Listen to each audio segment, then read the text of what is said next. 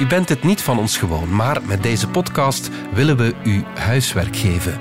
We willen u aan het chatten krijgen met hulp van artificiële intelligentie. Voorts hebben we het over Apple dat ruzie heeft met Elon Musk en met Mark Zuckerberg, over de ontdekking van twee nieuwe mineralen en over schuchtere albatrossen. Het is vrijdag 9 december en van de Standaard is dit Bits en Atomen met Dominique Dekmijn, Pieter van Doren en Bart Obbelaren.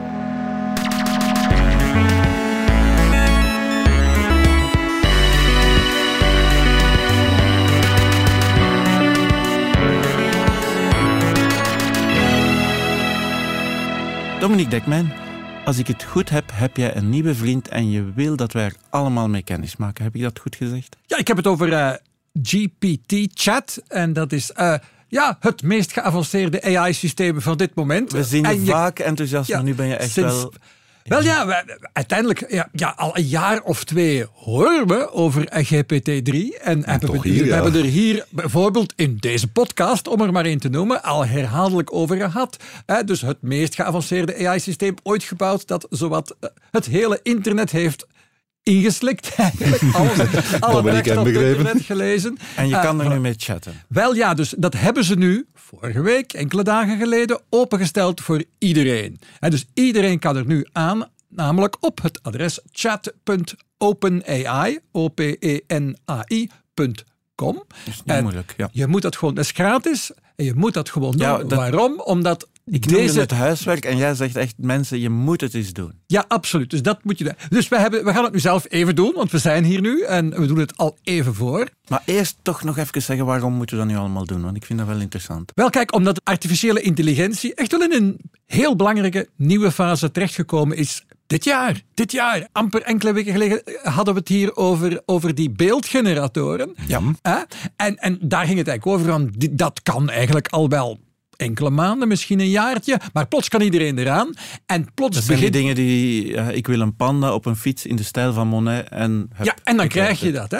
En dus een jaar geleden kon dat en konden sommige mensen er al aan. Nu kan iedereen eraan en nu beginnen professionals dat te gebruiken. Dus de hele grafische sector is nu, as we speak, radicaal aan het veranderen. Als we voor een decor van een film een ontwerp beginnen te maken, dat begint nu Met? in, ehm, in Stable Diffusion, zo- zo'n beeldgenerator. Dat begint niet met iemand die tekeningen begint te maken. Je begint met de beeldgeneratoren, want, want dan gaat het snel, dan heb je al iets en dan kun je daar eventueel op verder werken. Dus alles dat met beeld is, is nu aan het veranderen. Het werk van illustratoren is aan het veranderen. Dat wil niet zeggen dat ze hun job verliezen, maar het is, wordt allemaal anders. En dat is sinds deze zomer En eigenlijk. hetzelfde geldt dus nu voor... Wel ja, die grote transformator taalmodellen, zoals GPT-3, die waren er eigenlijk al ietsje langer. Hè? GPT-3, we praten er sinds twee jaar over. Maar nu pas, nu pas, mag iedereen eraan. En waarom is dat?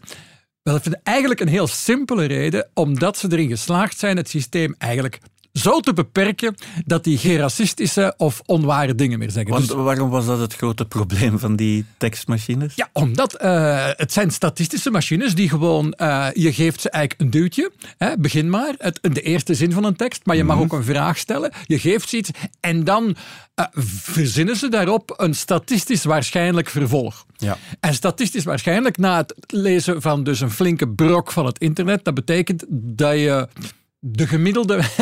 De gemiddelde Dus racistisch, dus seksistisch over- enzovoort. Voilà, ja, dus Laten we zeggen dat er af en toe op het internet zoiets te vinden is. Ja, voilà. Dus eh, wat er op het internet te vinden is, duikt op in de tekst die Ja, het produceert. En dat is natuurlijk voor zo'n bedrijf, OpenAI, is uiteindelijk eh, langzamerhand, want het was oorspronkelijk een non-profit organisatie, maar is aan het opschuiven naar eigenlijk een soort commerciële organisatie. Eh, dat is natuurlijk niet goed als je, eh, als je aan de wereld communiceert van... Je kan nu chatten met onze... we hebben, we, ja. hebben een, we hebben een racistische chatbot gemaakt. Microsoft heeft dat ooit eens een keer te vroeg gedaan. Een jaar of zes, zeven geleden. Met die fameuze chatbot ehm Tai, hè, geloof ik heette die.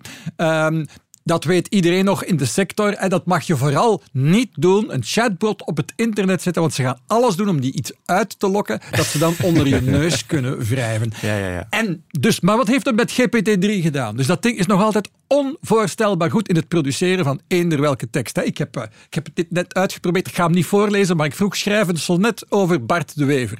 Ik stelde de vraag gewoon in het Nederlands. Nu ben ik pertinent zeker had ik dat in januari gevraagd, was dat niet gelukt. Maar het systeem is toch voldoende verbeterd, vooral zijn Nederlands heel sterk. En Ja. die schrijft een volledig, eh, dat klopt helemaal op de zinnen.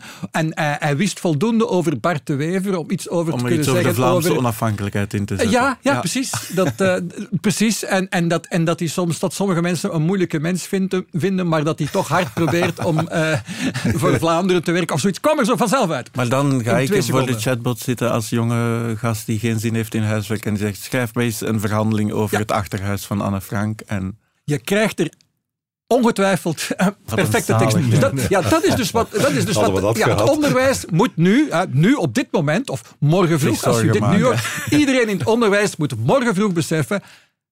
Iedereen in de klas weet dit al. Alleen de leraar weet het nog niet. ook, ja. Maar die gaat het heel snel weten. Want die opstellen gaan allemaal fantastisch goed geschreven zijn. En als het niet helemaal goed is, dan maakt hij... En een strafopstel, dat hetzelfde. Hè? Dus over Ja. eender welk onderwerp een, een, een zinnig stuk tekst, dat gaat verschrikkelijk goed. Hè? Dus zes maanden geleden lukte dat niet zo goed. Het is zeer sterk verbeterd. Dit is nog altijd GPT-3. Hè? Dus dit is in principe nog altijd dezelfde technologie waar dat we al twee jaar over praten. Maar er is toch een beetje aan hè? Geschaafd, ja. geschaafd bijgewerkt. En vooral dus, men heeft heel veel goede antwoorden. Hè? Antwoorden die de mensen goed vonden, teruggevoed aan het systeem en het laten bijleren. Zo, Ah ja, dat soort onder, antwoorden vinden we goed en die andere En hebben we liever niet. Oké, nu mag je eens eh, laten horen Wel ja, we gaan of nu laten gewoon zien even- of laten gaan- voelen hoe het klinkt. Dus wij surfen dus naar chat.openai.com, maken Ja. een account uit- eh, aan, loggen in in onze nieuwe account en ik vraag dan bijvoorbeeld... Ik ga dat dus in het Nederlands doen, dat is al een extra hindernis, hè, want eigenlijk is hij dus voor het Engels gemaakt. maar hij spreekt Maar ik vraag Of aan zij. GPT-3, vertel iets over jezelf. Ik ben GPT-Chat, een kunstmatige intelligentieplatform ontwikkeld door OpenAI. Ik ben gespecialiseerd in natuurlijke taalverwerking en kan antwoorden genereren op vragen die mij worden gesteld. Ik ben ontworpen om te simuleren hoe mensen met elkaar communiceren en kan dus gebruikt worden voor conversatiedoeleinden. Ik ben altijd bezig met het verbeteren van mijn vaardigheden en ben ook bekend om mijn snelle reactietijden. Maar dat was een gemakkelijke vraag, hè? Ja, ja, precies. Sorry, maar je hoor, mag... maar- Daar had hij een debatfiche voor. Ja, dat is... Nee, de, je, Ja, het interessante is dat je zelden, het interessante is dat je zelden exact hetzelfde antwoord krijgt. Ah, maar je hoort wel, maar je voelt wel, als hij over zichzelf praat, dat je wel min of meer voorgekookte antwoorden krijgt. Ze hebben, het systeem, ze hebben het systeem heel veel teksten over AI gevoed die ze zelf geschreven hadden, heb ik de indruk. Ze, hebben, ze zeggen niet precies hoe ze het gedaan hebben. En ook als je aan GPT-chat vraagt hoe ze het precies gedaan hebben, krijg je ontwijkende antwoorden. Maar- maar het systeem kan dus eh, fantastisch veel tekst produceren. Die ziet er fantastisch uit. Ga het zeker Ja, uitproberen. stel nu nog eens een moeilijkere vraag. Vraag een wat, vraag. wat Ja. vind je van Brigitte Bardot? Eens kijken of die dan eh, netjes blijft. Ja, wat vind je van Brigitte Bardot? Tuurlijk blijft Wat hij dan netjes. vind je van Brigitte Bardot? Omdat ik een kunstmatige intelligentie ben, heb ik geen mening over individuele personen, zoals Brigitte Bardot. Mijn doel is om te functioneren als een chatbot die antwoorden kan genereren op vragen die mij worden gesteld, ongeacht de inhoud van die vragen. Dus dat is het hele interessante. Het kan vertellen wat het doet. Aan ons, aan jou. hè. Je kan, en, en zo leer je wel iets. Het vertelt wat het doet. En het laat zien hoe het het kan doen. Dus bijvoorbeeld, het zal erbij vertellen van... Ik heb geen toegang tot informatie van na 2021. Hè, want hij, hij is gevoed met informatie tot 2021.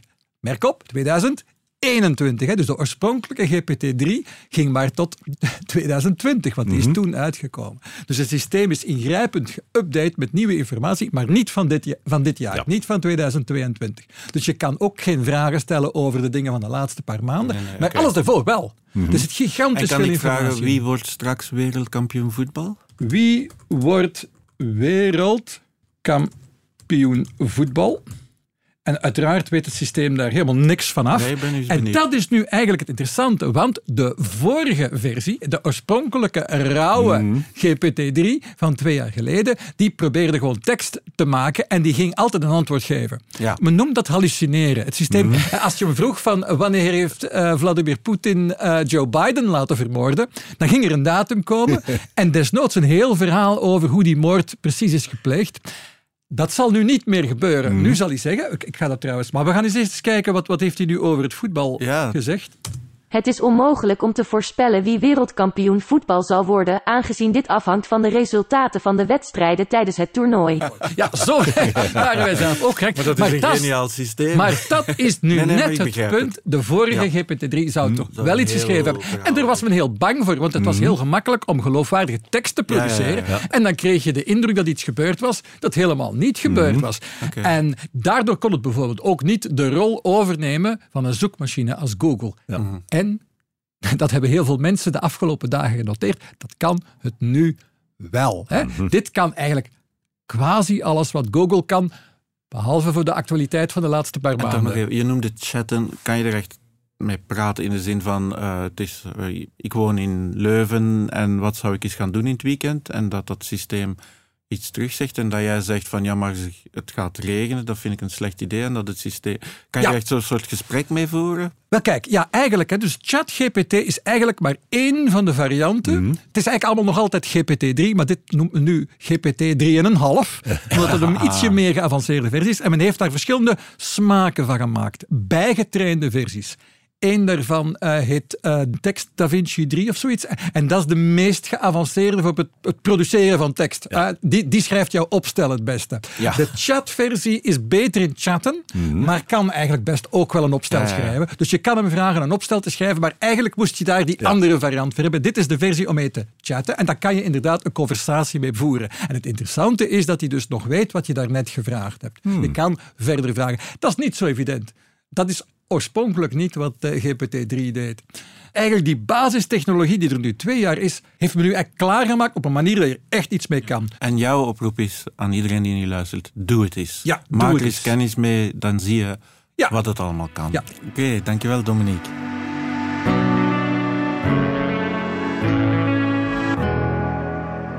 Pieter, met jou willen we het over albatros hebben. En nu dacht ik altijd dat zwanen een voorbeeld waren van monogamie, maar albatrossen kunnen er ook iets van, blijkbaar. Ja, zelfs nog meer. Zwanen die eh, blijven in koppeltjes en die blijven gezellig met hun tweetjes op dezelfde vijver rondzwemmen. Albatrossen die eh, paren, leggen eieren, krijgen jongetjes en verdwijnen dan terug eh, de hemel in. En het jaar nadien komen ze op dezelfde plaats terug en met dezelfde partner. Dus, ze Dus, zijn eh, monogaam, maar Ja. ze zijn een tijdje afwezig. Voilà, Ouders. uithuizig. Nu, ehm, albatrossen zijn altijd dus als een voorbeeld van eh, monogamie gezien. Ja. Maar op eh, Possession Island eh, bij Australië, daar zijn ze die beestjes al sinds de jaren 50 aan het volgen. En daar hebben ze gezien dat ze inderdaad altijd eh, gezellig weer terug bij elkaar komen. Ja? Dat er af en toe toch wel ook eens een scheiding eh, Oh. voorvalt. Dus eh, soms zit er eens een haar in de boter. En ze hebben er allemaal statistisch netjes bijgehouden. En dan blijkt een eh, albatros die al één keer een scheiding heeft meegemaakt, maakt een grotere kans om nog een tweede en een derde scheiding mee te maken. Ja. Dus eh, het moet ergens aan de albatrossen zelf liggen. Het is niet Ja. zomaar toeval. Nu, in 2008 zijn ze dan begonnen met van al die albatrossen ook een, eh, ja, een karakter- en persoonlijkheidstest af te nemen. Ze zijn gaan kijken waar zit hij op de as tussen verlegen en brutaal. En waar zit hij op de as tussen eh, zacht en agressief. Netjes voor al die beestjes bijgehouden. en ze dachten, ja, als er een scheiding van komt, dan zijn het waarschijnlijk de meest zelfzekere mannetjes die vinden van, ik eh, verdien wel wat beter, ik kijk eens rond en hups, en ik verhuis. Niet het geval. Niet het geval. Degene die, mannetjes die een scheiding krijgen, zijn net de verlegen mannetjes. De saaie. De saaie, de, de brave, de pantoffelhelden. Onder de albatrossen. Hè, onder de verstaan. albatros. Ja. hè. We moeten altijd voorzichtig zijn met vergelijken met mensen. Maar het is zo spannend natuurlijk. nu, dus het zijn de verlegen albatros mannetjes die pech hebben. Die eh, krijgen, als er een scheiding is, is meestal voor zo eentje. Ja. En wat is de redenering? Er zijn op dat eiland toch meer mannetjes dan eh, vrouwtjes. Dus eh, de mannetjes moeten een beetje vechten voor de vrouwtjes. ja. Zelfzekere, brutale albatros die zegt: Blijf van mijn vrouw af, jij. En een schuchtere die laat zich wegduwen. Dus als er daar een arrogante vrijgezel langskomt en die zegt: Hey, kom, dans met mij. Ja. Dan laat die verlegene zich wegduwen. Is dat niet Darwin weer van een vrouwelijke albatros kiest voor Wel, een mannelijke albatros die voor de de stevigste, vraag is in hoeverre zijn het de vrouwtjes die inderdaad eh, de keuze Ah, maken. Je zou kunnen zeggen als vrouwtje, jij bent te verlegen voor mij, als ik een betere zie, dan pak ik hem. Ja. Wat bij mensen af en toe gebeurt. Bij albatrossen blijkt dat niet zo te zijn. Het is niet het vrouwtje dat de, de keuze maakt. Het is een mannetje dat zegt, kom bij mij jij. Het is het arrogante mannetje dat zegt, dit vrouwtje is van mij. En het is een schuchter mannetje dat zegt, allee dan. onderspit, Delft. Oké. En de vrouwtjes hebben daar, voor zover we nu kunnen zien, weinig in te zeggen. Ik ga niet zeggen dat ze er helemaal niks in te zeggen hebben, maar uit de cijfers blijkt toch dat het eerder de mannetjes zijn die de vrouwtjes kiezen dan andersom. En dat is inderdaad in de biologie niet altijd het geval.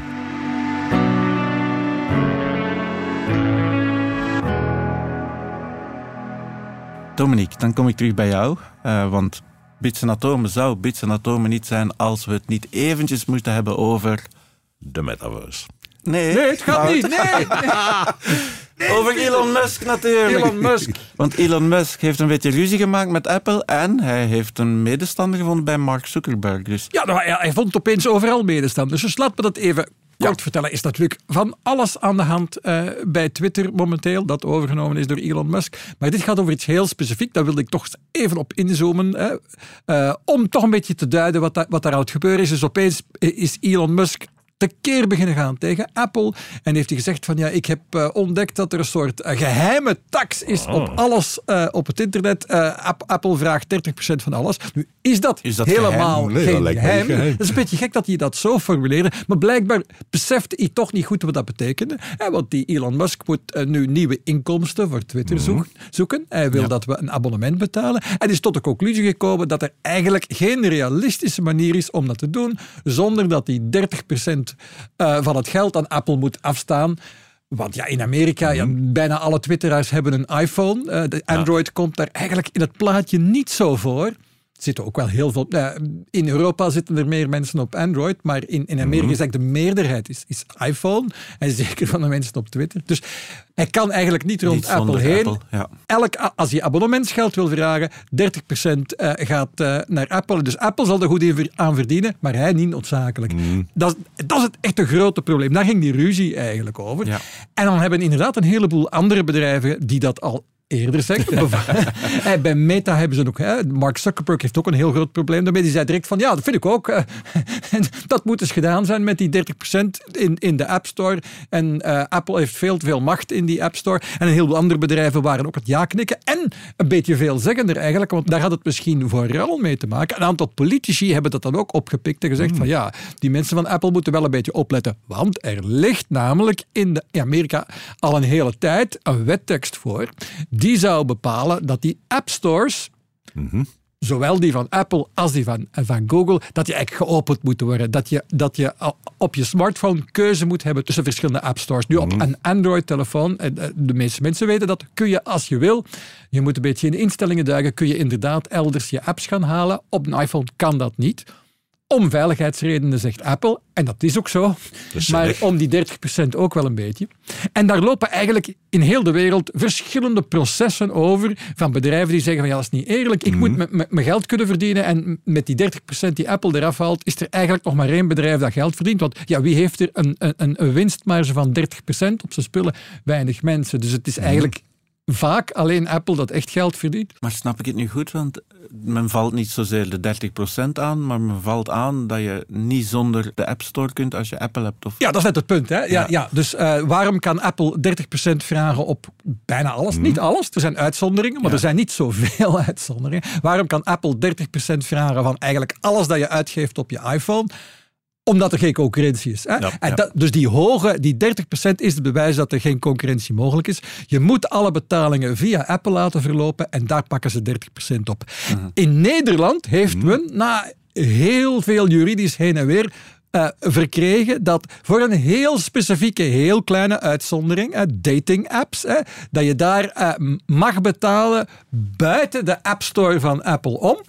En dan bespaar je als fabrikant, want dat, was dan, dat moesten ze dan van de rechter. En dan heeft Apple het zo gezegd van, ah ja, je, je mag een ander betaalsysteem gebruiken. En dan is het geen 30%, maar slechts 27%.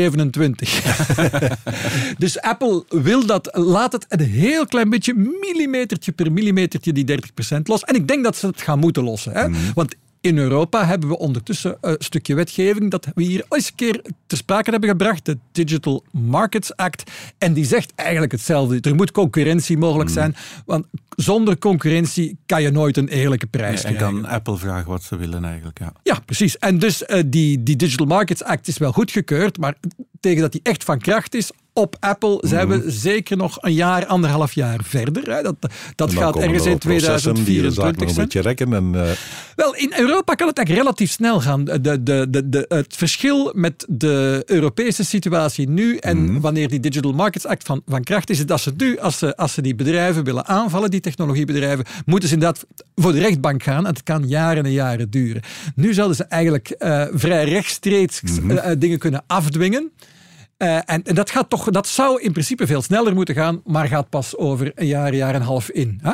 Eh, maar dus in Europa sowieso staat die eh, App Store onder druk, die exclusiviteit van de App Store. In Amerika zag het er naar uit dat die wettekst ging blijven liggen. Hè, Nu dat de Republikeinen eigenlijk de controle hebben overgenomen over het, het congres. Hè, in de Senaat heb je nog een meerderheid van de Democraten, maar het zag er niet naar uit dat er nog, niet, nog iets gestemd ging worden van al die wetten die wa- waren voorgesteld om Big Tech een beetje hè, eh, tot de orde te roepen. Maar dat ene tekstje over die app stores zou er nu misschien net wel kunnen komen, omdat Elon Musk net op het juiste moment dat op tafel heeft gelegd. En dus ja, hij, hij gebruikt zo politieke druk eigenlijk. hè, want in- inderdaad, een heleboel politici niet toevallig van de rechtse, republikeinse kant, hè, want dat is een beetje de kant waar Elon Ja, Musk Musk laatste heeft tijd naar gezegd dat dat de tofste zijn. Hè? Ja, ja, Musk heeft. Ja, eerst zegt Musk van eigenlijk vind ik dat die Ron DeSantis de volgende president moet worden van Amerika. Dat is die, dat is die republikeinse gouverneur van Florida. En enkele dagen later zegt hij. Ah ja, en ik heb een probleem met Apple. En wat doet Ron DeSantis? Als op een vingerknip zegt hij van ja, als Apple inderdaad eh, Twitter begint te bedreigen, dan, eh, dan zwaait er wat voor Apple. dan gaan we streng op toekijken. En nog een aantal, een aantal andere republikeinse politici zeiden hetzelfde. En de tekst ligt al. Hè. De, de tekst ligt al niet, niet voor het voltallige Senaat, maar in de Amerikaanse Senaatscommissie ligt al een tekst voor die wel degelijk die App Store zou openbreken. Dus eh, dat was goed getimed, dat was handig gedaan. En niet alles wat Musk de laatste weken doet is handig gedaan. dat kunnen we wel. zeker niet zeggen. Maar dit wel. Oké, proficiat. Voor Elon Musk was dat. We gaan er even uit voor een prettige boodschap en dan zoeken we nog naar leven op Venus en ontdekken we twee nieuwe mineralen.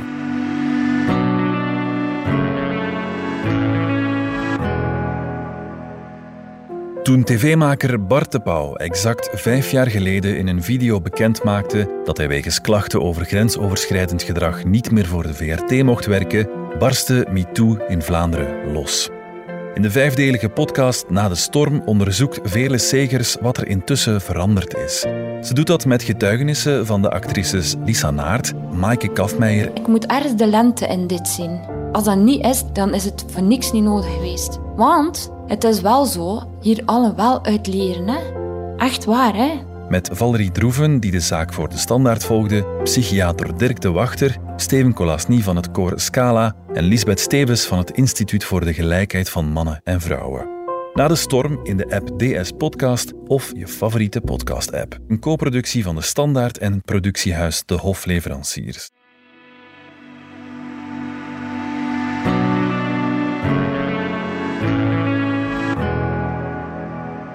Het belangrijkste nieuws hebben we tot het einde gehouden. Er zijn twee, misschien zelfs drie nieuwe mineralen ontdekt. En dat is best bijzonder, maar Pieter, help mij toch eens eventjes. Wat zijn mineralen juist? Definieer dat eens. Mineralen zijn gesteenten, zijn ertsen, maar zijn een specifieke groep binnen de gesteenten. Het zijn dingen die uit één molecuulsoort bestaan en die in kristalvorm voorkomen. En daar En hebben we er een beperkt aantal van. Daar hebben we er een beperkt aantal van. Heel veel gesteenten zijn vaak mengelingen. Eh, als je er spikkeltjes in ziet of als je verschillende kleurlaagjes ziet en zo, dan weet je dat je een mengeling vast hebt van verschillende mineralen. En we tellen er een heleboel op aarde. En dat is eigenlijk eh, best bizar. Als je gaat kijken, eh, we zijn ooit ontstaan samen met de zon uit een wolk stof en gas en gruis. En als je daarin gaat kijken, daar zat er een goed dozijn verschillende mineralen in dingen die elkaar in het heelal, atomen die elkaar in het heelal al tegengekomen waren. En samen tot moleculen gevormd waren, mineraaltjes. Nu, zodra het begon samen te klonteren, kwamen dingen die elkaar nog nooit gezien hadden, kwamen elkaar tegen. En eens dat je aan uh, rotsachtige planeten uh, bent, zoals bijvoorbeeld Mercurius of de maan, droge rotskeien, dan zat je aan iets van 350 verschillende soorten mineralen. De aarde is nat, in water gebeuren nogal reacties. Op aarde waren er nog meer. Dat zat aan iets van een 1500 soorten mineralen. Zo is de aarde vertrokken. Ja. En toen, toen kwamen wij. Toen kwam er leven. En dat zorgde weer voor zuurstof. En dat zorgde voor extra CO2. Die zuurstof maakte oxiden en hap, je had een hele reeks nieuwe mineralen bij. Malachiet is koperoxide. CO2 zorgde voor carbonaten, ook een hele reeks nieuwe mineralen. En de aarde heeft er nu iets van een 5000 Oké, dus verschillende soorten. een beperkt aantal, maar 5000 is toch, is toch al veel. en zeker in het heelal gezien is dat uh, Goed gedaan. aardig veel. Dus er uh, twee tegelijk bij vinden is echt wel uh, redelijk uniek. En misschien drie, ze zijn nog aan het kijken. Kijken of het wel, ja. En waar zijn die gevonden? Die zijn gevonden in een meteoriet, een grote steen die uit de hemel naar beneden gevallen is ooit. Het is een grote, hij weegt iets van een 15 ton. Is groter van diameter dan 2 meter, dus je hebt al een stevige vrachtwagen nodig om die ene kei op te laden. En waar ligt die? En die ligt in de woestijn van Somalië, bij het dorpje El Ali. En de steen hebben ze dus ook El Ali gedoopt. Terecht. Wel, het, is, het is een beetje kolonialistisch, want inderdaad, hij ligt er op zijn minst al vijf generaties. En alle herders in de buurt kennen die steen. Noemen hem niet El Ali, maar noemen hem uh, vallen van de nacht. Ik weet niet hoe het in het Arabisch is. Ja. En ze gebruiken hem al generaties om een messen op te slijpen. Ze gebruiken hem als wetsteen. Maar desondanks, uh, hij is pas echt ontdekt dat de wetenschap hem ontdekt. Dus nu heet hij El Ali. Ja. We hebben er een klein stukje afgezaagd en hebben dat uh, naar Alberta in Canada gestuurd, waar er een paar mensen zijn die daar verstand van hebben van dit soort dingen. Die zijn dat uh, serieus gaan onderzoeken. En al vanaf dag één, toen ze het onder de elektronenmicroscoop legden, toen bleek, hey, we zien hier dingen die we nog nooit op aarde gezien hebben, komen in het wild niet voor. We hebben twee nieuwe mineralen en dat derde, dat lijkt ons, moeten we nog even verder naar kijken, maar misschien. Uh, nu, die twee mineralen waren theoretisch al bekend. In de jaren tachtig hebben onderzoekers in Frankrijk in het laboratorium al eens uh, allerhande nieuwe combinaties uitgeprobeerd, hadden die al gemaakt. Die hebben nu de naam, de eerste heeft als naam gekregen El Aliid. Nou, ja, El Ali, ja. nogal duidelijk. en de tweede die heet Elkenstentoniet. Dat is de en, ontdekker uh, ervan? Of? Lindy Elkenstenton is een onderzoekster bij de NASA. En die is gespecialiseerd in het ontstaan van uh, planetoïden, en hoe ijzerkernen van uh, planeten ontstaan zijn, dat soort dingen. En inderdaad, die meteoriet is vooral ijzer en nikkel en een paar andere metalen. En er zitten dus combinaties in die, die nieuw zijn. Eentje daarvan dus elkenstantoniet. En nu hopen ze van die steen nog eens van dichterbij te bekijken. Maar steen is voetzie. Hoezo? Uh, niemand weet waar die zit op dit moment. Die steen, de hele meteoriet? Of? De hele meteoriet. Is weg? Is weg. 15 ton. Uh, die steen is gevonden door uh, prospectors voor een uh, soort mijnmaatschappij, maar een ambachtelijke mijnmaatschappij. Dus dat zit op het randje van eh, legaal. Ja. Dat zijn mensen die eigenlijk op zoek zijn naar opaal. Hebben toevallig die steen ontdekt, hebben gezegd, ja, kunnen we wel iets mee doen. Kom, vrachtwagentje, we laaien hem op. En de, de, de Somalische regering heeft dat gehoord en die heeft gezegd, oh, oh, oh nee, kom, hier die steen. Die is van ons wij gaan die wel verkopen. Ja. En daar zijn er processen overgevoerd en uiteindelijk heeft die mijnmaatschappij gelijk gekregen. Hebben die steen teruggekregen van de Somalische overheid. En ze zijn nu aan het proberen met te verkopen in China, waarschijnlijk. Dus daar wordt heel, heel, dus heel vaag die over gedaan. Die daar hun messen op ja, die hebben niks. Die, uh, die, zijn die zijn in elk geval gezien. De wetenschappers in Alberta ontdekken Ook. alleen dat ze niet meer aan die steen aankunnen en horen via via dat die waarschijnlijk op dit moment ergens in China te koop ligt. De rest moet blijken. Een mooi verhaal met een toch een beetje droevig einde. Ja, nogal ja. en dan gaan we de ruimte in. De sterren van de week. Good stage one ignition. To explore. No man has gone before.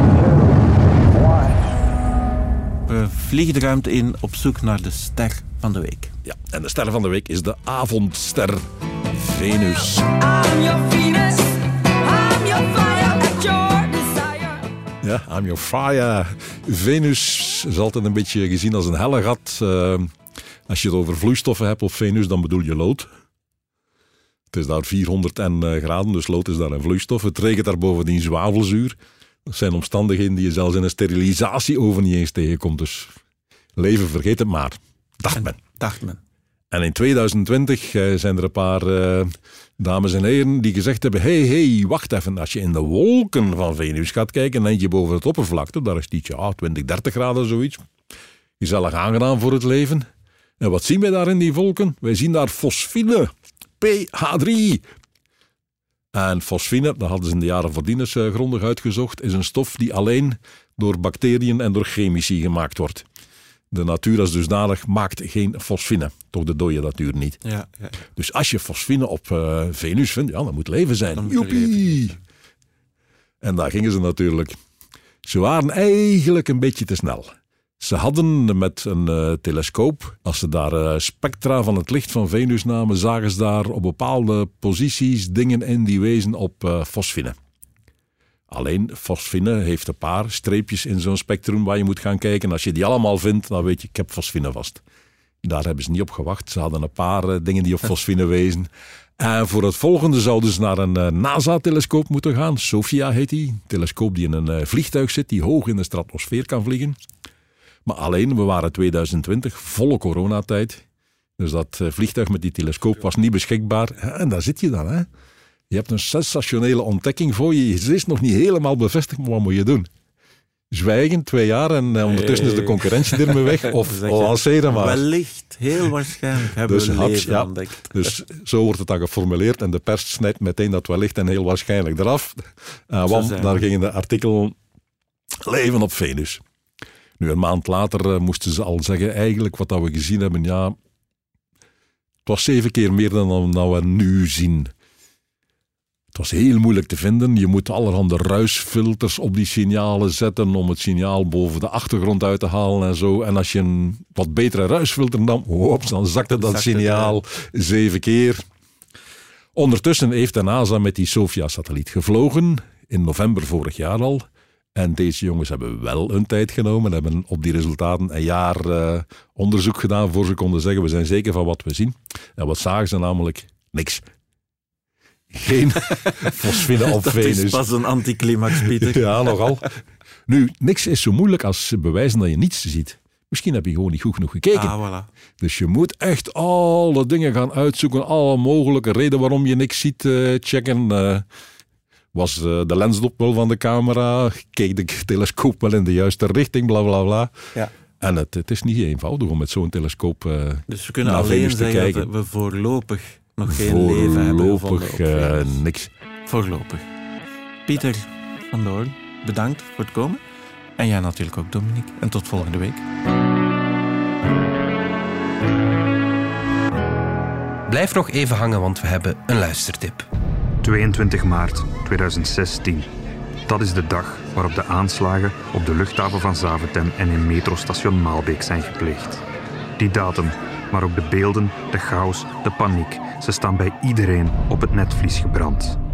Maar wat gebeurde er voor de bommen ontploften? Hoe werden de aanslagen beraamd en wie zijn de daders die hiertoe in staat waren? Mijn naam is Cedric Lagast, journalist bij Nieuwsblad. En voor onze True Crime podcast De Stemmen van Assise maakte ik een vierdelige reeks naar aanleiding van de start van het proces in Brussel.